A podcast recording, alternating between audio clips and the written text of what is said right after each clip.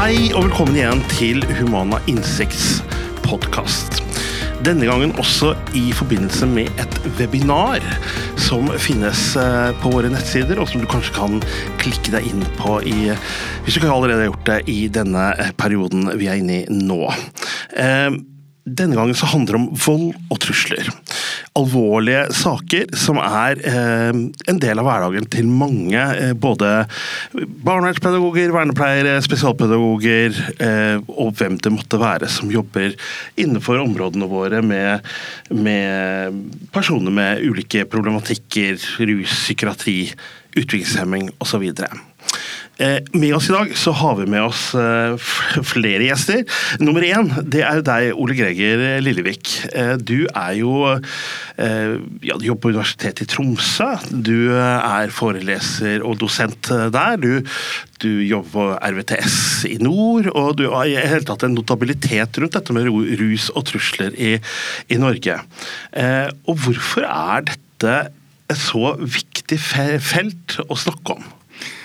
Tja, det handler vel ikke om at jeg er dosent og akademiker som har gjort at jeg har fått interessen rundt et sånt tema. Det er mer en erfaring med, med vold som jeg har. Jeg skal ikke si privat erfaring, men en personlig erfaring med, med vold. For jeg tenker at når ansatte opplever vold på jobb, så erfarer man det personlig, selv om det er i en jobbrelatert sammenheng. Og um, Da jeg gikk sykepleien for mange mange år siden, så jobba jeg i en bolig for utviklingshemma. og Der bodde det ei dame som var veldig voldelig. Vi ble slått, sparka, klora, kasta gjenstander etter, utskjelt på det groveste. Uh, om ikke hver dag, så flere ganger i uka. Og uh, vi som jobba rundt henne, vi, hadde ikke noe, altså vi fikk ikke noe opplæring i forebygging. Og vi fikk ikke noe opplæring på hvordan vi kunne møte vold når den kom. Og den gangen, tidlig 90-tall så hadde vi heller ikke en arbeidsgiver som hadde systemer på å følge oss opp eh, etter alvorlige hendelser. Men vi gjorde så godt vi kunne. Eh, og eh, da, jeg jobba to år med, med, den dama. og etter at jeg var ferdig der, så begynte jeg å jobbe i psykiatrien på et DPS. Og det er egentlig en myte at det er mye vold i, i psykiatrien. Jeg har jobba i mange år der uten å ha opplevd det som var farlig. Riktignok selvfølgelig en og annen psykotisk pasient som kunne være i forsvar og, og redd og ja, be oss uh, rett ut sagt reise til helvete og slamre med døren og sånn. Uh, men ikke farlig. Uh, jeg hadde jobba noen år, og en dag så ble jeg lugga ned av ei eldre dame som var innlagt der. og Hun tok tak og lugga meg ned, og jeg fulgte meg ned, og hun slapp taket og gikk inn på rommet sitt. og Det var en sånn situasjon som varte ja, bare noen få sekunder.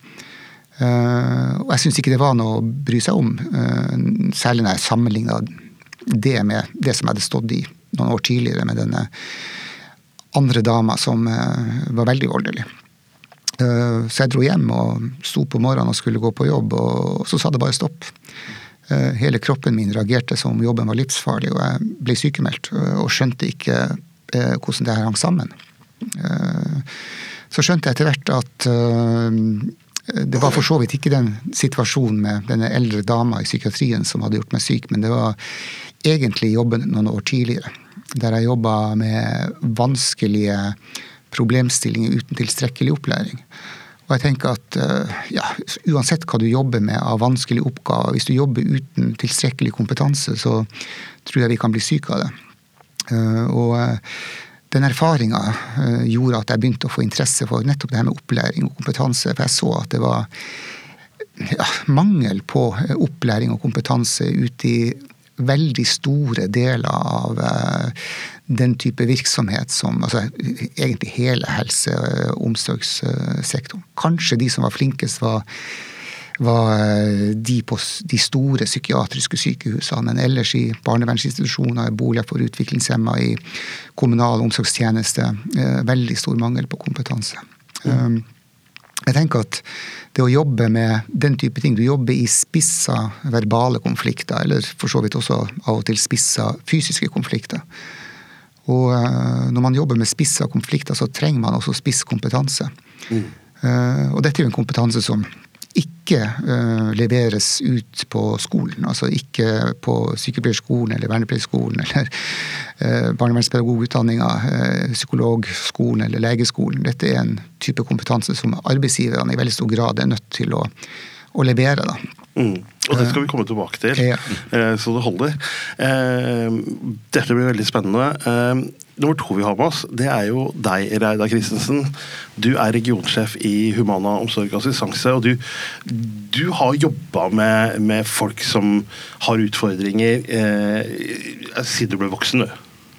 Ja, det har i grunnen det. Um, Og kjent disse problemene her på kroppen. Ja, jeg begynte å jobbe i akuttpsykiatrien da jeg var 19-20 år gammel. øh, Og hadde hørt at jeg var en så ålreit type at jeg kunne alltids jobbe med folk som, øh, som sleit. Og det første møtet mitt da var en dame som øh, lå i belter på, på femte, dag, femte døgnet. Og som detaljert fortalte meg hvordan hun både skulle partere meg og, og drive med utstrakt og innfløkt vold. Eh, Det var inderlig respektløst overfor pasienten å sette meg der. eh, Og det var eh, kanskje ikke spesielt vettugt å sette av hensyn til meg heller. Men, men, men det som etter hvert begynte å interessere meg, var jo hva er det som får det mennesket til å, til å ut, komme med de truslene som vedkommende kommer med? Hva er det som ligger til grunn for det? Eh, og så har jeg jobbet som eh, miljøterapeut og miljøarbeider i en del år, og så har jeg vært leder nå innenfor ulike helse- og omsorgsinstitusjoner de siste 20 åra, 15 åra. Sånn at det er klart at eh, mitt perspektiv er jo både de personlige erfaringene jeg har, eh, men også det lederansvaret jeg har som, som arbeidsgiver for, eh, for dyktige miljøpersonell som, som møter vold og trusler som en del, ikke hele tiden, men som en del av eh, sin arbeidshverdag. Eh, så jeg har behov for å både forstå og vite en del ting selv, men jeg har også behov for å forstå hvilke, hvilke belastninger det er da, for en del av våre ansatte å jobbe eh, med særlig krevende saker. Mm. Og tredjemann som sitter her, det er meg. Hans Henrik Sørensen heter jeg. Jeg er markeds- og kommunikasjonssjef i Humane omsorg og assistanse. Og jeg skal prøve å lede oss gjennom denne samtalen om dette viktige og veldig interessante temaet. Eh, Etter introen her, Ole Greger, kan du kan, kan vi se før vi liksom går inn i det, kan vi definere hva vold egentlig er? Hmm. Eh, Det var et vanskelig spørsmål. Eh, Jeg tenker at det kan være klokt å eh, definere vold litt ut fra hvordan kontekst man befinner seg i. Av og til så er det lurt å ha en juridisk forståelse av hva vold er. Andre ganger så kan det være klokt å kanskje ha en terapeutisk forståelse av hva vold er. Sånn at det er vanskelig å definere vold. Jeg er jo blitt veldig glad i Per sin definisjon eh, på vold, og, mange kjenner vel kanskje den. Han sier noe sånt som at vold, vold er enhver handling retta mot en annen person. Som eh, gjennom at denne handlinga skader, skremmer, smerter, krenker, får denne personen til å gjøre noe mot sin vilje, eller får denne personen til å slutte å gjøre noe den ønsker. At vold eh, sånn som han definerer det, da, er at man gjennom å true, skremme, skade, krenke, eh, tar fra andre mennesker frihet. Eh, Det er en veldig vid definisjon på vold. Eh, Da blir på en måte den verbale krenkelsen og drapet eh, på en måte definert innenfor samme ramme. og eh, i en juridisk sammenheng så er det litt meningsløst, eh, men i en terapeutisk sammenheng så kan det være klokt. Hvis du f.eks. jobber med, med voldsutøvere. Eh, Hvis man da kryper ned i denne voldsforståelsen, så, så eh, kan det være med på å bidra til, til større innsikt hos den som ønsker å slutte å bruke, bruke vold. Eh, Jeg må bare si at kanskje det som jeg syns er flottest med Per Isdal sin voldsforståelse, det er at for meg så inkluderer den det som vår fredsforsker Johan Galtung kaller for strukturell vold, eller det som jeg liker å kalle for institusjonalisert vold. Altså når vi som systemer, når Humana som systemer har regler, bestemmelser, arbeidsmetoder som kan oppleves krenkende og kan opp, til og med påføre smerte og skade. Altså noen jobber jo med med strukturer der man har lov å gå inn i holdesituasjoner f.eks. Og det kan åpenbart påføre både smerte og, skade og være skremmende og oppleves krenkende. Så vi, er, vi er på mange måter forvaltere av vold mm. i tjenestene våre. Og eh, en, en reaksjon på å være utsatt for den type vold, er jo motvold. Eh, jeg sto på en akuttpsykiatrikonferanse i Oslo her for noen år siden. og ja, 300 ansatte i salen kanskje, som jobber i akuttpsykiatrien. og Jeg sa vel noe sånn som at jeg tippa at 95% av volden inne på psykiatriske sykehus det er motvold mot strukturer som oppleves krenkende. Ikke fordi at jeg mener at eh, alle disse strukturene kan fjernes. Jeg erkjenner at av og til må man tvangsmedisinere, av og til må man tvangsinnlegge. Eh, men det å ha en slags bevissthet på at vi, vi er forvaltere av strukturell eller institusjonalisert vold. Eh, hvis vi har det med oss eh, i vår bevissthet, så kanskje vi kan forvalte disse strukturene klokere og, og på en bedre måte. Og så kan vi kanskje også løfte opp noen sånne strukturer.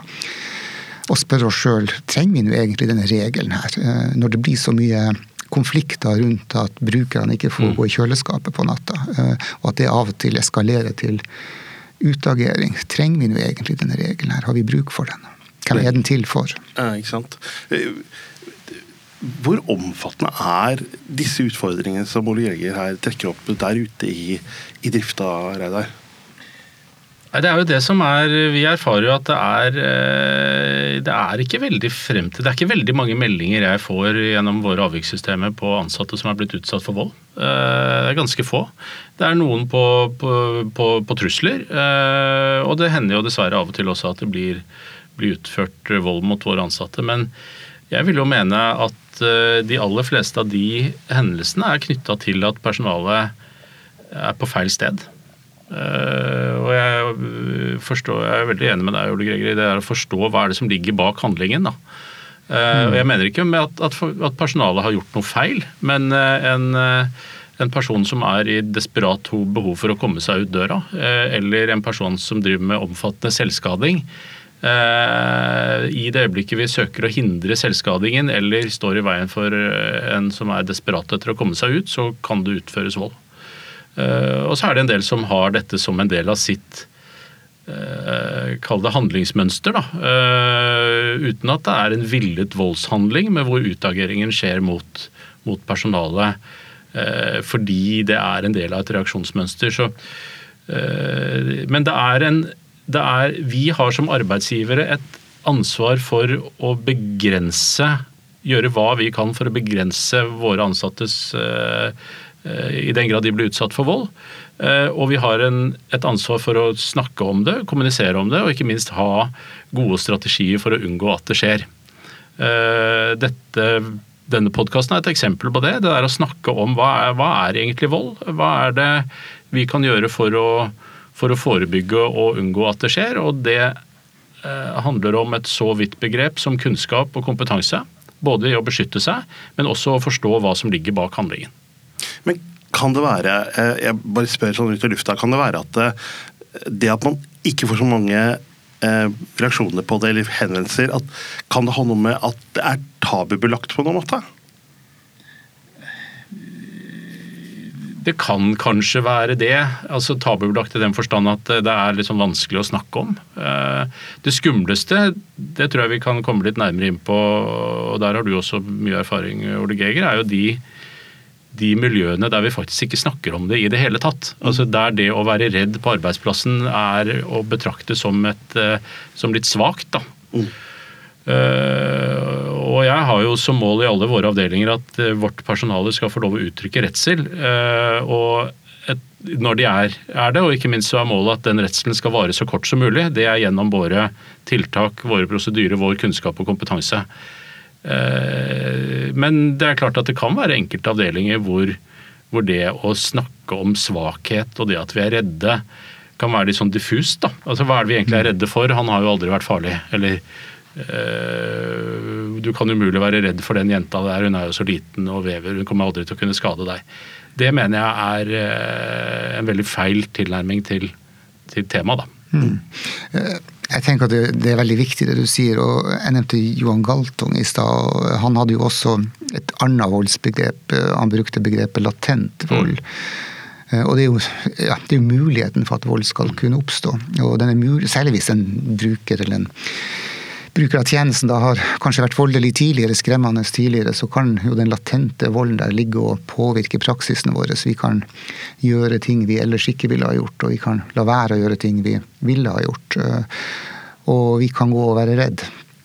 Eh, og dette er jo et dilemma på mange vis, fordi at eh, på den ene sida, altså det å gå og være redd over tid på jobb, det kan skade oss. Mm. Den latente volden kan skade oss.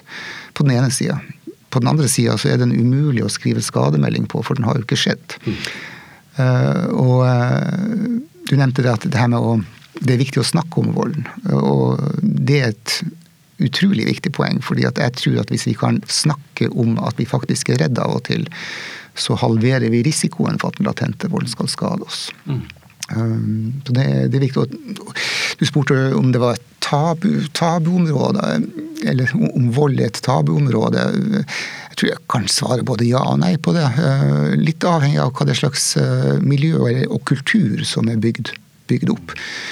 Hvis man som ansatt eh, setter ord på redselen sin, og hvis man da blir møtt med type bemerkninger som Er du redd? Det er jo ingen andre her som er redd. Eller å ja, du er redd du, kanskje du ikke skulle jobbe her hos oss. Eh, da tror jeg man bygger en kultur eh, der tabu rundt vold eh, kan på en måte tre fram. Hvis man derimot blir møtt med en holdning som går på så vanskelig det må være for deg å ha det sånn, hva kan vi gjøre for deg? Så tror jeg man bygger en kultur der det er ok å, å snakke om både den volden som skjer, og den vold man er redd for skal skje. Men det er utrolig viktig at man bygger den kulturen, da. Eh, for å snakke om, eh, om vold. Ja, for da kultur trumfer struktur?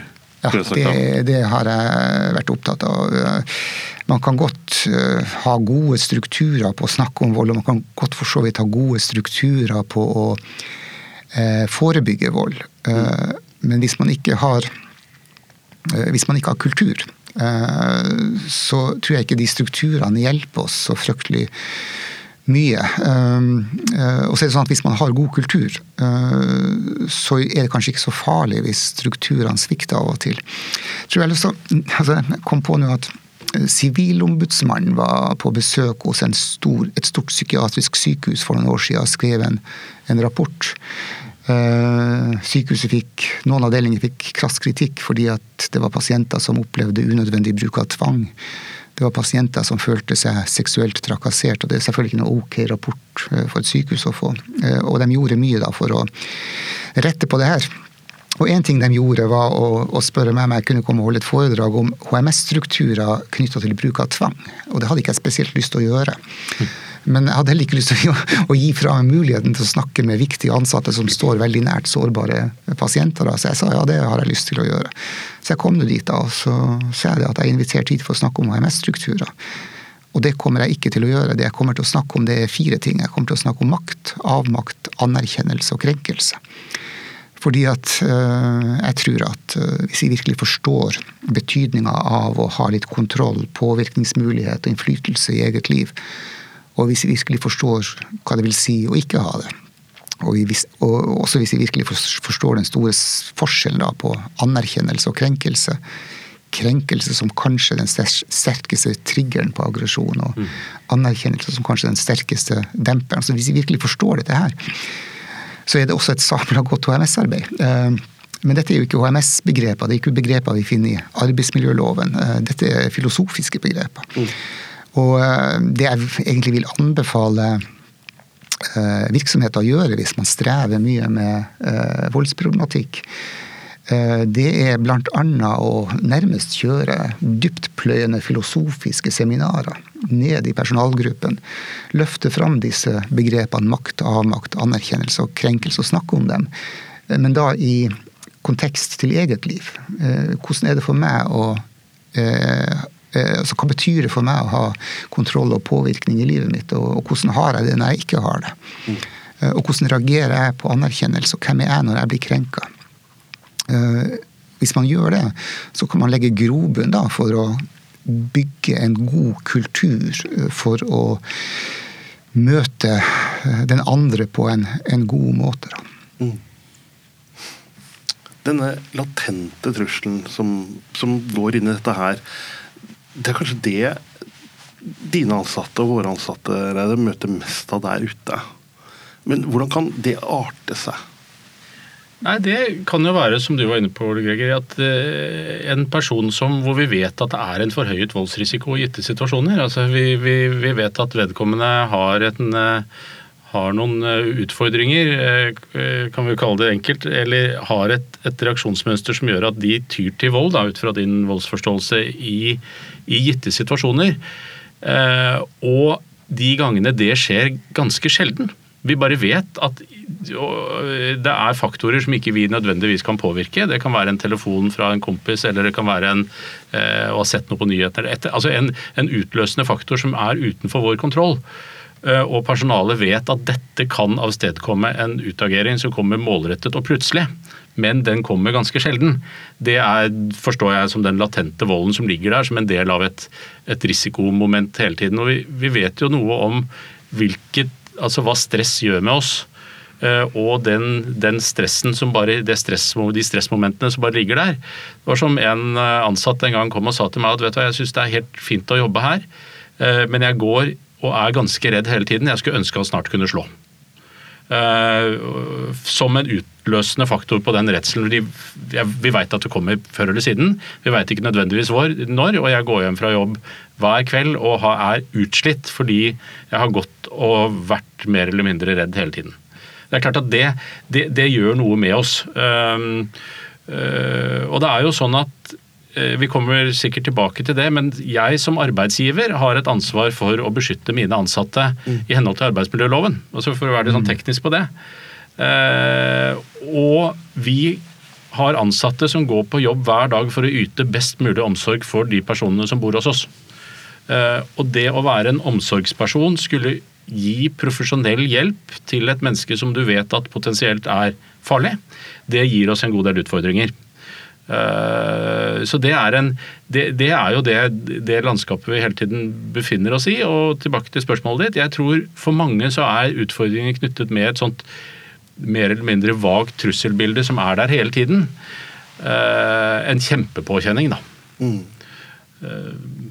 Ja. Mm. Og så kommer noen av, av eh, disse pasientene, brukerne, beboerne med en risikovurdering, men de er du grunnleggende skeptisk til, noe, Lore Greger? Ja, jeg vil kanskje ikke si grunnleggende skeptisk, men det er iallfall grunn til, det er gode grunner for å, å være litt skeptisk til risikovurderinger. Um, jeg tror jeg skal begrunne det på denne måten at uh, veldig mange av disse risikovurderingsverktøyene uh, er opptatt av å identifisere egenskaper ved uh, pasienten, brukeren, ungdommen, som kan fortelle oss noe om risiko for framtidig vold. Så vi, vi, er, vi, er, opptatt av å lete etter egenskaper ved den andre. Og hvis vi blir veldig, veldig opptatt av å lete etter egenskaper ved den andre, så kan vi til slutt se bort fra eget bidrag i de situasjonene som oppstår. Og jeg bruker vel av og til å være så rå og si at den ansatte er en risikofaktor eh, i seg sjøl. Altså så det er ansatte som er den risikofaktoren, ikke, ikke, ikke, ikke beboerne? Eh, den ansatte er én risikofaktor. Ja. Eh, altså, hvem er jeg i møte med den andre, og hva er mitt bidrag inn i situasjonen? Hva er det med min måte å være på som kan fungere, eller som fungerer som gode dempere Eh, kan lande situasjonen. Og hva er det med min måte å være på i disse konfliktsituasjonene som kan være med på å trigge og, og fyre situasjonen og øke risiko for vold. Jeg tenker at det er en helt vesentlig refleksjon å, å ta, som alle ansatte har et ansvar eh, til å ta. Spørre seg sjøl hvem er jeg, og hva er mitt bidrag inn. Og jeg tenker at en ansatt i en kommune eller i Humana eller hva det måtte være, har jo en arbeidsgiver som har et ønske om at den ansatte skal være profesjonell i sin utførelse av, av jobben. Eh, det betyr at man både skal faglig, altså det skal hvile på faglig, faglighet, og man skal kunne begrunne det eh, faglig. Og dette er jo ikke bare på fredagskveld når man lager pizza eller spiser taco, og når det er hyggelig. Men det handler også om å jobbe profesjonelt i disse spissa eh, konfliktene. Og da altså Det påhviler et ansvar hos alle ansatte til å spørre seg sjøl eh, hva er mitt bidrag inn. Og jeg er så rå, uh, tror jeg jeg skal være, å si at uh, altså den som ikke gjør det, altså den som ikke er villig, den ansatte som ikke er villig til å reflektere seg sjøl, si opp og gjør noe annet der du ikke utgjør så stor risiko. Mm. Opplever du det som blir sagt her som kontroversielt, Reidar, eller kan du relatere det til det?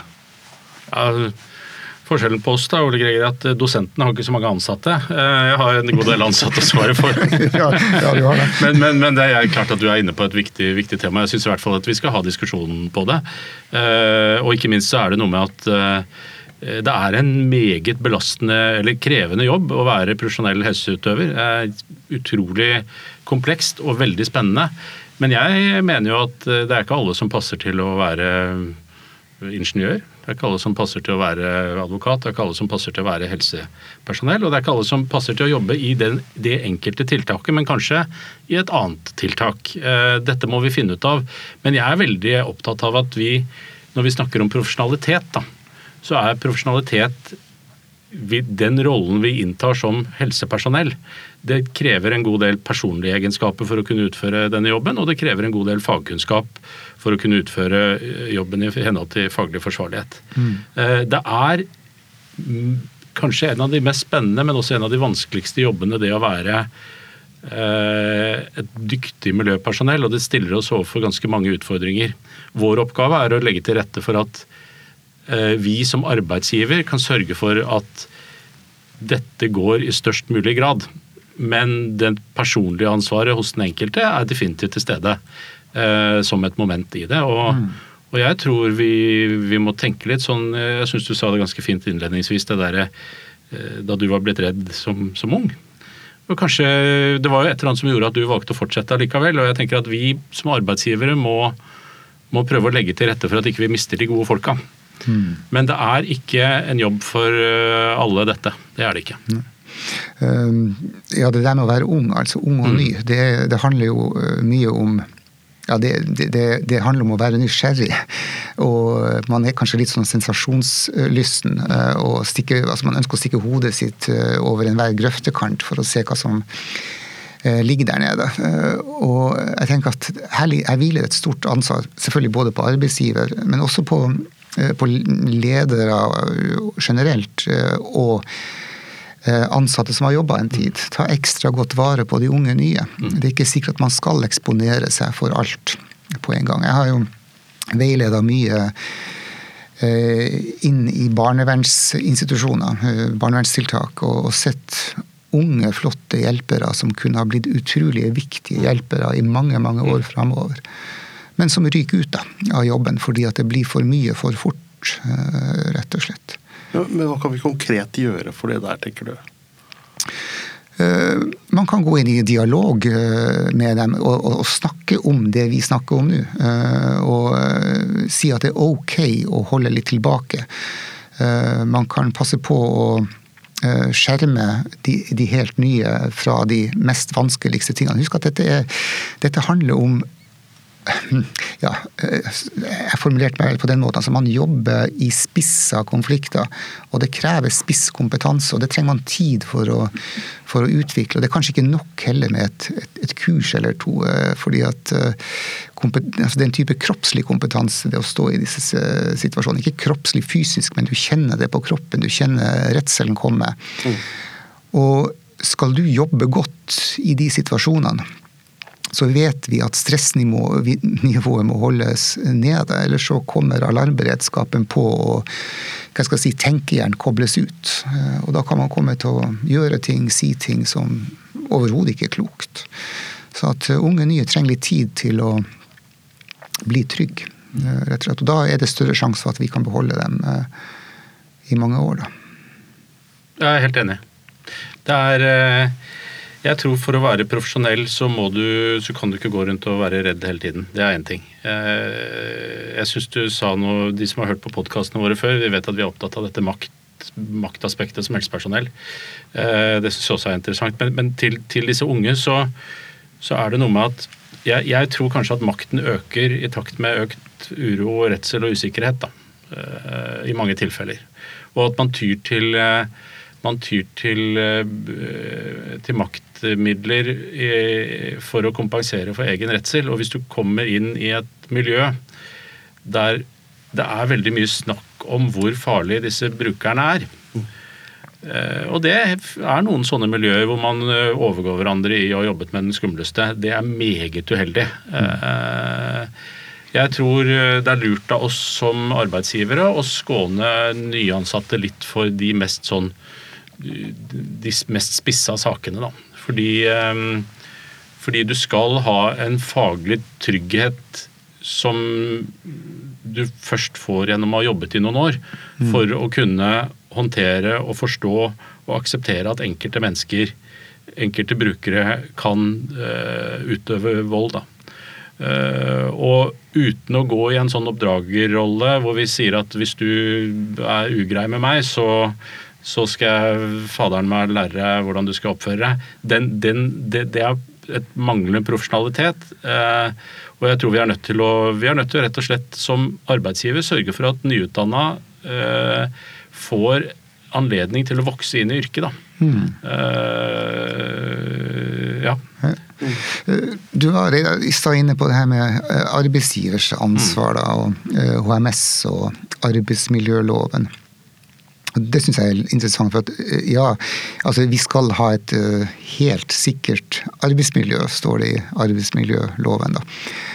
Og det tenker jeg er hvordan skal jeg formulere meg nå uten å risikere å bli kasta ut av studio?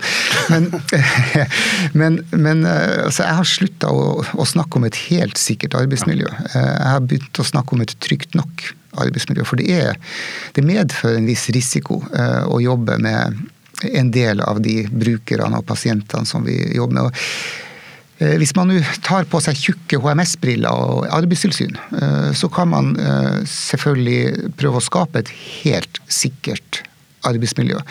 Da bygger vi jo glassvegger mellom oss og de vi skal hjelpe. Og når vi må ha fysisk kontakt, så tar vi med oss noen Securitas-vakter eller andre inn for å hjelpe. Og da blir det helt sikkert. Men det blir jo fryktelig dårlig omsorg av sånt. ikke sant? Men, men dette er problematisk? Ja, det er altså. problematisk. fordi det er et, det er et krysningspunkt mellom, mellom HMS-perspektivet eh, og, eh, og, og, omsorgsperspektivet. Og, og nå har ikke jeg noen løsning på hvor dette krysningspunktet ligger. henne. Det må man kanskje snakke om på, på, på, i den enkelte virksomhet. Det jeg vet, er at når det har skjedd en veldig alvorlig hendelse, så kommer ofte tjukke HMS-briller på hos alle. Eh, og da er det et tidspunkt, eh, tenker jeg, for å puste. og eh, dra pusten ekstra godt inn før man skynder seg å iverksette veldig sånn tunge sikkerhetstiltak. Ikke fordi jeg tror at av og til må man gjøre det, men man må tenke seg om. fordi at når sikkerheten kommer veldig tungt inn, så kan man risikere noe på andre sida, og det er god omsorg. da. Mm. Men det her er, er kompliserte greier. da. Ja, for her står jo arbeidsmiljølov og helse- og omsorgslov opp mot hverandre. Og én ting er omsorgsmessig at det er problematisk, men det er problematisk juridisk også? Reidar. Ja, ja, ja, det er det. Altså, jeg, jeg, jeg syns ikke skal kaste, vi skal kaste deg ut i det hele tatt, Ole Greger, for jeg er fullstendig enig med deg. Uh, i, det meste av det du sier. Uh, jeg har erfart og hatt Arbeidstilsynet på tilsynsbesøk og hele Fylkesmannen uh, på oppdrag fra, fra, Helsetilsynet på tilsynsbesøk i samme institusjon to dager etter hverandre. Med to ganske ulike konklusjoner. Den ene konkluderte oppsummert med at vi ikke vernet våre ansatte i tilstrekkelig grad for vold og, og trusler på arbeidsplassen. Altså vi, ansatte der sa at vi er ikke helt sikre. Uh, og Helsetilsynet konkluderte med at vi eh, måtte jobbe mer faglig på omsorgsbiten eh, for å sikre faglig forsvarlighet.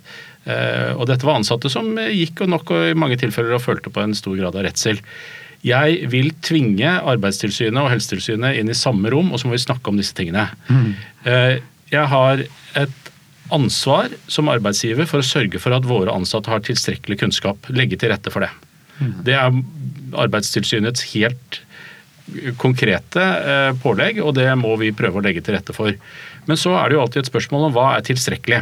Eh, handler det om, eh, som du var inne på, å gjennomføre veiledninger, kurs osv.? Handler det om å gjennomføre tilstrekkelige risikovurderinger? Handler det om å trene fysisk på unngåelsesteknikker ved, ved, ved vold og utagering? Ja, alt dette. Men det handler også om at folk går på jobb hver dag for å yte best mulig tjenester til den enkelte.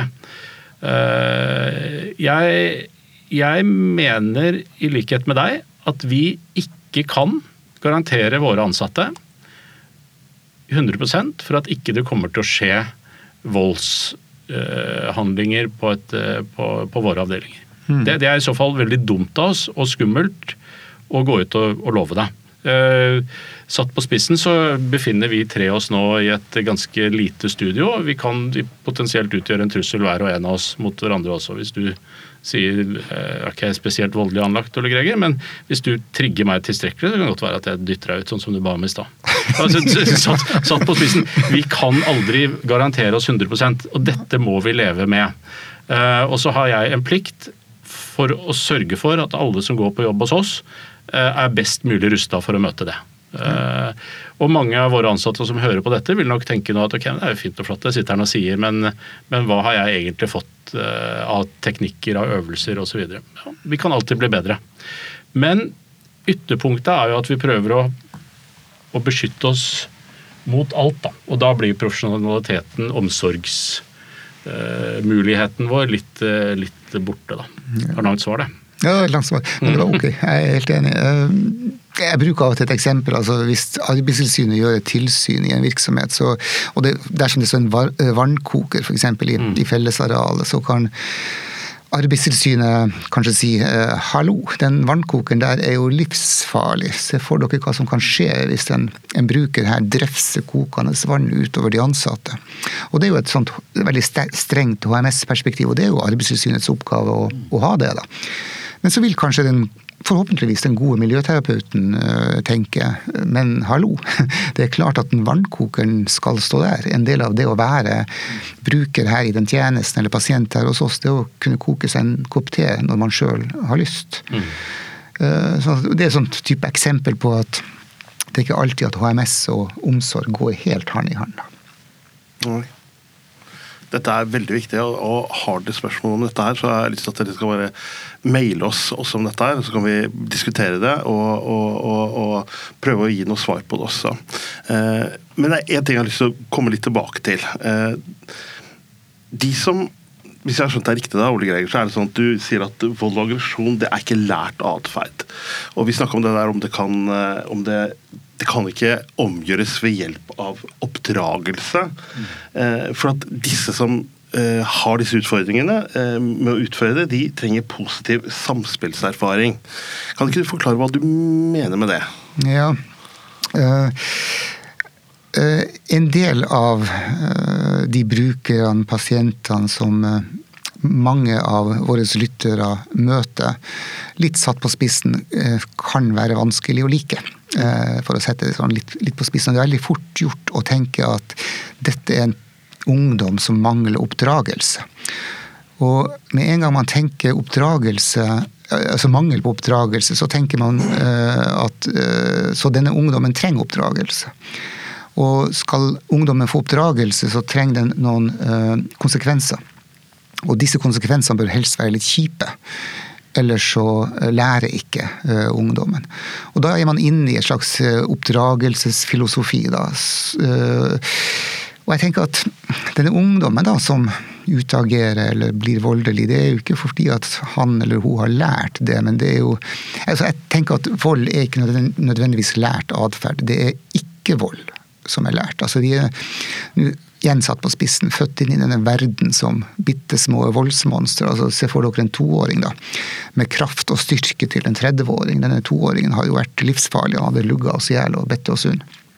Men gjennom at denne toåringen da eh, møter trygge voksne som gir den repeterende samspillserfaring på regulering. Regulering av følelser, regulering av atferd eh, osv. Så, videre. så så lærer dette barnet etter hvert å regulere seg sjøl. Så det er ikke altså Veldig ofte er det sånn at disse ungdommene som bruker vold, ikke for at de har lært å bruke vold, men det er ingen som har vært der eh, og lært dem eh, å regulere seg. Eh, og det vi risikerer med et oppdragelsesperspektiv og konsekvensperspektiv, det er å påføre disse menneskene repeterende negative samspillserfaringer. Og er det noe de har eh, hatt plenty av gjennom livet, så er det jo nettopp repeterende negative samspillserfaringer. Så det vi trenger å gjøre, det er å pøse på med repeterende positive samspillserfaringer. Jeg bruker å si det sånn at eh, hvis man har som, altså når man går inn i en situasjon eh, som er vanskelig, hvis man har som målsetting, da eh, Hvis man jo tenker at ett mål her eh, må være at eh, når dette er over, om det nå er med en gang eller i alle fall om litt tid, så skal den andre sitte igjen med en positiv samspillserfaring. Lykkes man med det, så har man gjort veldig mye, mye riktig. Ja. Mm. Hvordan er det å ta med seg dette ut i hverdagen der ute, da? Ja, jeg, jeg, jeg, må si jeg syns bildet ditt er veldig godt, da. Det kommer jeg til å bruke hvis det er greit for deg, dette med toåringen. Du har så fullstendig rett. Eh, og veldig mange vi møter eh, av de som mottar hjelp hos oss, har eh, ikke fått nødvendige forutsetninger i oppveksten til å kunne orientere seg i, godt med, sammen med andre. De mangler den samspillskompetansen hvis vi, bare, hvis vi prøver å en liten stund dvele over hvor usedvanlig komplekst det å omgås sosialt er. Tåle nederlag, tåle eh, tidvis kritikk, eh, tåle at eh, ting ikke nødvendigvis blir sånn som vi ønsker. Og så har vi hele tiden kompenserende ferdigheter for det, fordi de fleste av oss har fått akkurat det du beskriver så godt. da. Uh, mens mange av de vi møter har enten pga.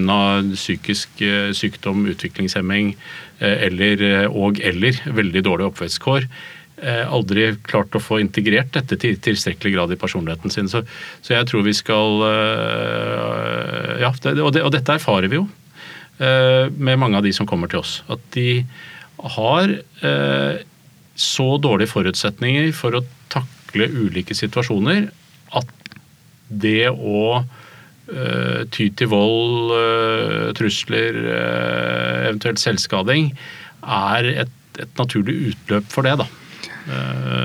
Så ja, jeg syns det er veldig veldig relevant, og jeg tenker at det er et, et viktig perspektiv å ta inn i den profesjonelle forståelsen. Da. Mm, jeg tenker også Reidar, at, at altså det vi snakker om nå, det er også den filosofien mm. som ligger i uh, traumebevisst omsorg, ja. eller traumesensitiv omsorg. Da.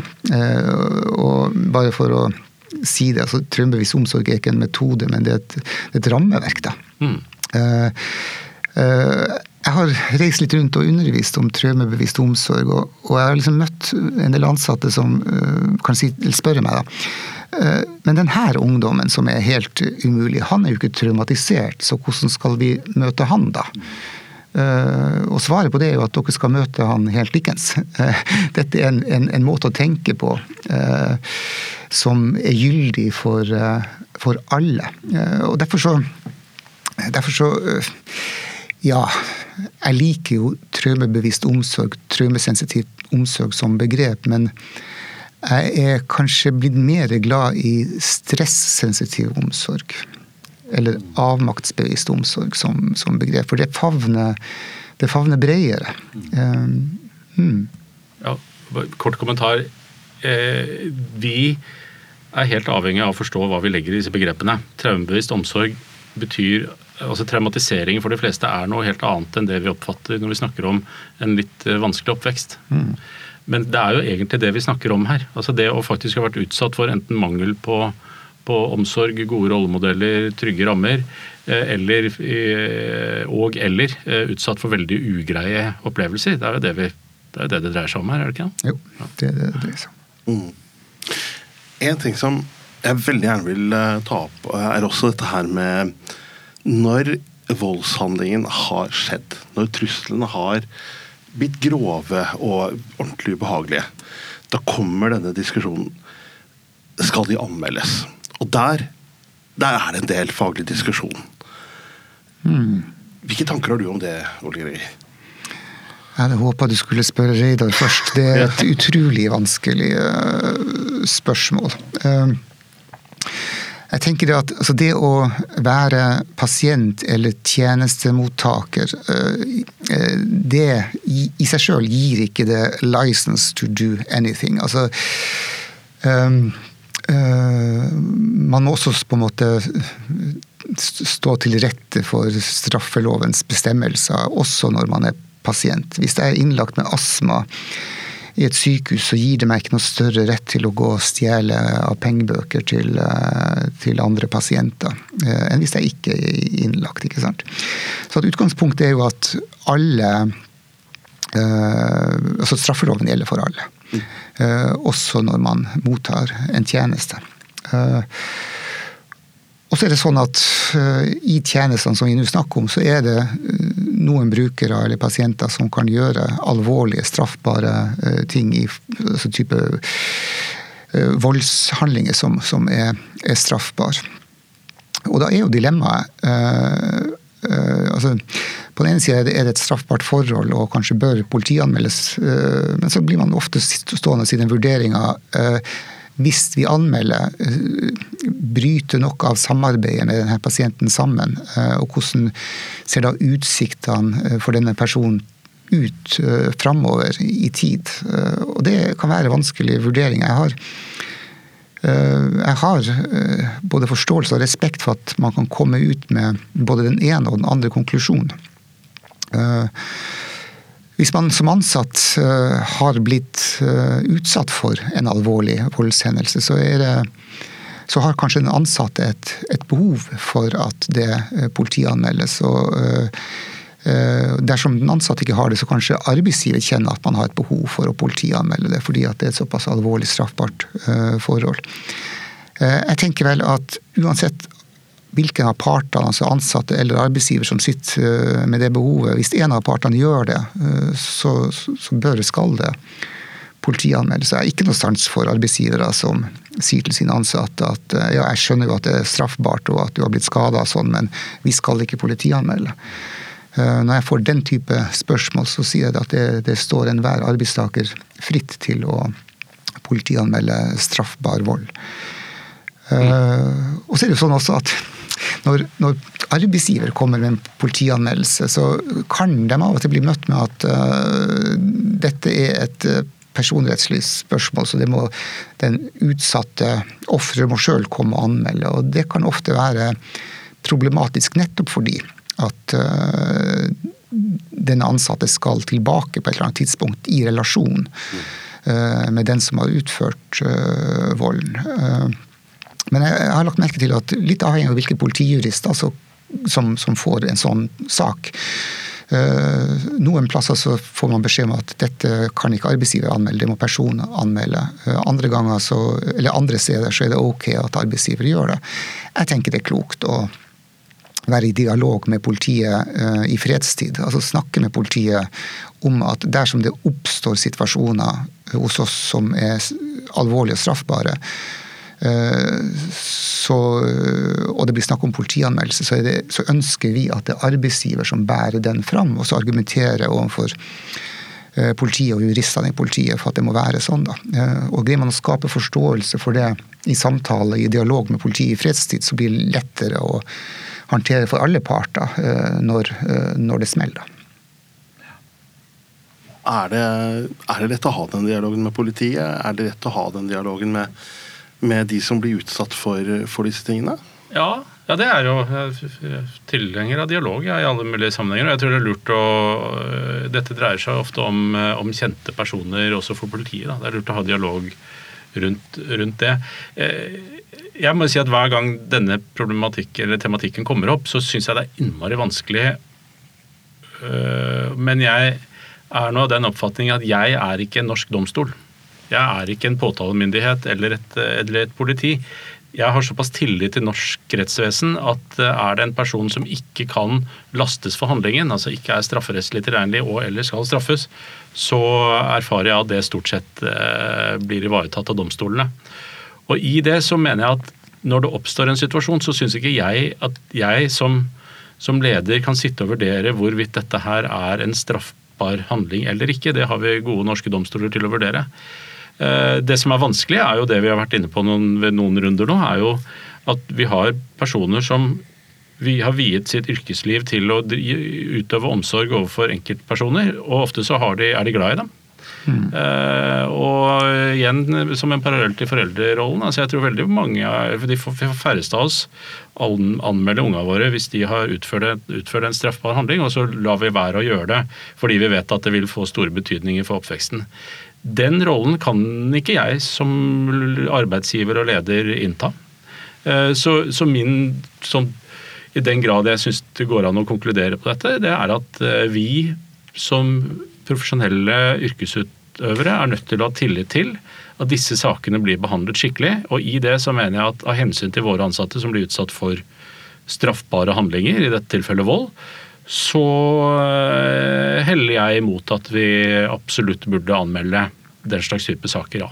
Mm. Og, og, jeg er også tilhenger av at jeg som leder og vi som arbeidsgivere tar det ansvaret. For det har skjedd på innenfor vår avdeling et tiltak som vi er ansvarlig for faglig sett. Eh, og jeg vet eh, etter samtaler med mange ansatte hvor ekstremt belastende det kan være å gå til et sivilt søksmål mot en person som har utført en voldelig handling. Det er belastende på mange måter. Så, så, jeg skulle ønske, da, jeg tror ikke vi klarer å forandre verden i denne poden, men jeg skulle ønske at, at det var en lik praksis på dette i de ulike politidistriktene, og at politijuristene ble noenlunde enige da, om, om, om, hvordan man skal praktisere det. Mm, eh, helt enig med deg. En annen argumentasjon som jeg har hørt fra praksisfeltet, er at eller spørsmålet kan vi gjøre dette av hensyn til taushetsplikt. Og jeg har kanskje noen år tilbake, da, men jeg har hørt jurister i i Bufetat si at, eh, at ansatte ikke kan anmelde ungdom fordi at det er da brudd på taushetsplikta. Eh, hvis jeg blir konfrontert med den type holdninger eller spurt, så sier jeg det er tull. Uh, hvis jeg er ansatt i en barnevernsinstitusjon i Bufetat eller hos dere, og blir pålagt av taushetsplikt å ikke anmelde et straffbart forhold, så vil jeg ikke ta hensyn til det. Nei. Nei, det, skulle du ikke tatt hensyn til. Nå syns jeg du var forsiktig. Her kunne du dratt på mer. ja, det kunne jeg sikkert. Nei, det, det, er klart vi ikke kan det. Ikke under noen omstendighet. Um, og jeg, min juridiske forståelse av taushetsplikt uh, tilsier at den vurderingen også er feil. Mm. Så, ja. Men taushetsplikt det er nesten en helt egen podkast å snakke om. Ja. For der er det så mange eh, interessante problemstillinger å, å, ta opp. Men det eh, er viktig at vi fikk det opp her også. Men det, det tror jeg faktisk vi kommer til å komme tilbake til i denne podkastserien, faktisk. Eh, vi rusler mot slutten av poden, men eh, jeg tenkte noen konkrete råd det er jo alltid godt å ta med seg ut av en sånn uh, prat som vi har vært igjennom nå, uh, Ole Greger. Og, uh, er det noe du kan summere opp som vi kan ta med oss ut? Ja, det er jo alltid lurt å avrunde og avslutte med, med, både råd som kan på en måte gi litt sånn positivitet og, og kanskje til og med håp, da. Jeg er opptatt av å bygge kultur for kollegastøtte. Altså, kollegastøtte er kanskje en av de viktigste beskyttelsesfaktorene mot uheldige psykiske reaksjoner etter alvorlige hendelser. Altså bygg kultur for kollegastøtte. Eh, det er fint at man har strukturer for å følge opp ansatte, men eh, som jeg har sagt tidligere, kultur har en tendens til å trumfe struktur. Så bygg kultur for kollegastøtte. Eh, to, eh, kompetanse er viktig. Eh, og det å bygge kompetanse på å kunne arbeide godt i de spissa situasjonene. Og der har jeg veldig stor tro på å bruke rollespill og scenariotrening. Ta fram situasjoner som har vært vanskelig. Fordel litt roller. En kan være bruker, ungdom, en kan være ansatt. Spill dem ut. Og ja, da kan man både eh, hva skal jeg si, utforske bedre praksis, eh, samtidig som man får øvd seg sjøl på egenregulering, noe som er viktig. Så bygg kultur for Nei, unnskyld, bygg kompetanse på arbeid i spissa eh, konflikter. Det tredje jeg vil si, det er noe så enkelt som at Og dette handler om, om grunnleggende forebygging. Når du ser at en bruker ikke har det bra, gjør noe med det. Så enkelt. Det fjerde jeg har lyst til å si, er få farta ned i konflikten. Altså Noe av det farligste i alle konflikter, det er eskalering av fart. Eh, så jobb med å få farta ned. Og skulle jeg på en måte løfte fram én ting, så må det være det. altså. Fordi at eh, lykkes du med det, lykkes du med å få farta ned, så har du gjort så mye annet rett også i situasjonen. Og det tredje eh, Unnskyld. Det, det, det, det femte jeg vil trekke fram, det er det å utnytte eh, alle situasjoner i etterkant til å lære mer av den. Altså gå gjennom situasjoner. Kunne vi gjort noe annerledes? La oss tenke oss om en gang til. Ja, det, jeg er helt enig, jeg. Jeg har ikke, egentlig ikke noe til tilføre her. Det eneste måtte være øh, at noen ganger så kommer, så kommer disse utageringene veldig kjapt. Uh, og da er det ikke nødvendigvis så enkelt å få farta ned, men, men jeg tror at uh, det handler om et, en kultur som du er inne på, og i det så handler det om å lugne ned og, og på en måte få oversikt og forståelse. Så jeg, jeg, jeg tenker dette er veldig kloke og, og gode, gode, råd, jeg, ja, altså. Mm. Da tror jeg vi skal si tusen takk for at du lytta på. Har du spørsmål, kan du sende det til humanainnsikt at humananorge.no. Eh, du kan lese mer om, eh, om webinarene våre, podkastene våre og hva vi driver med på humananorge.no. Og husk at alle har rett til et godt liv.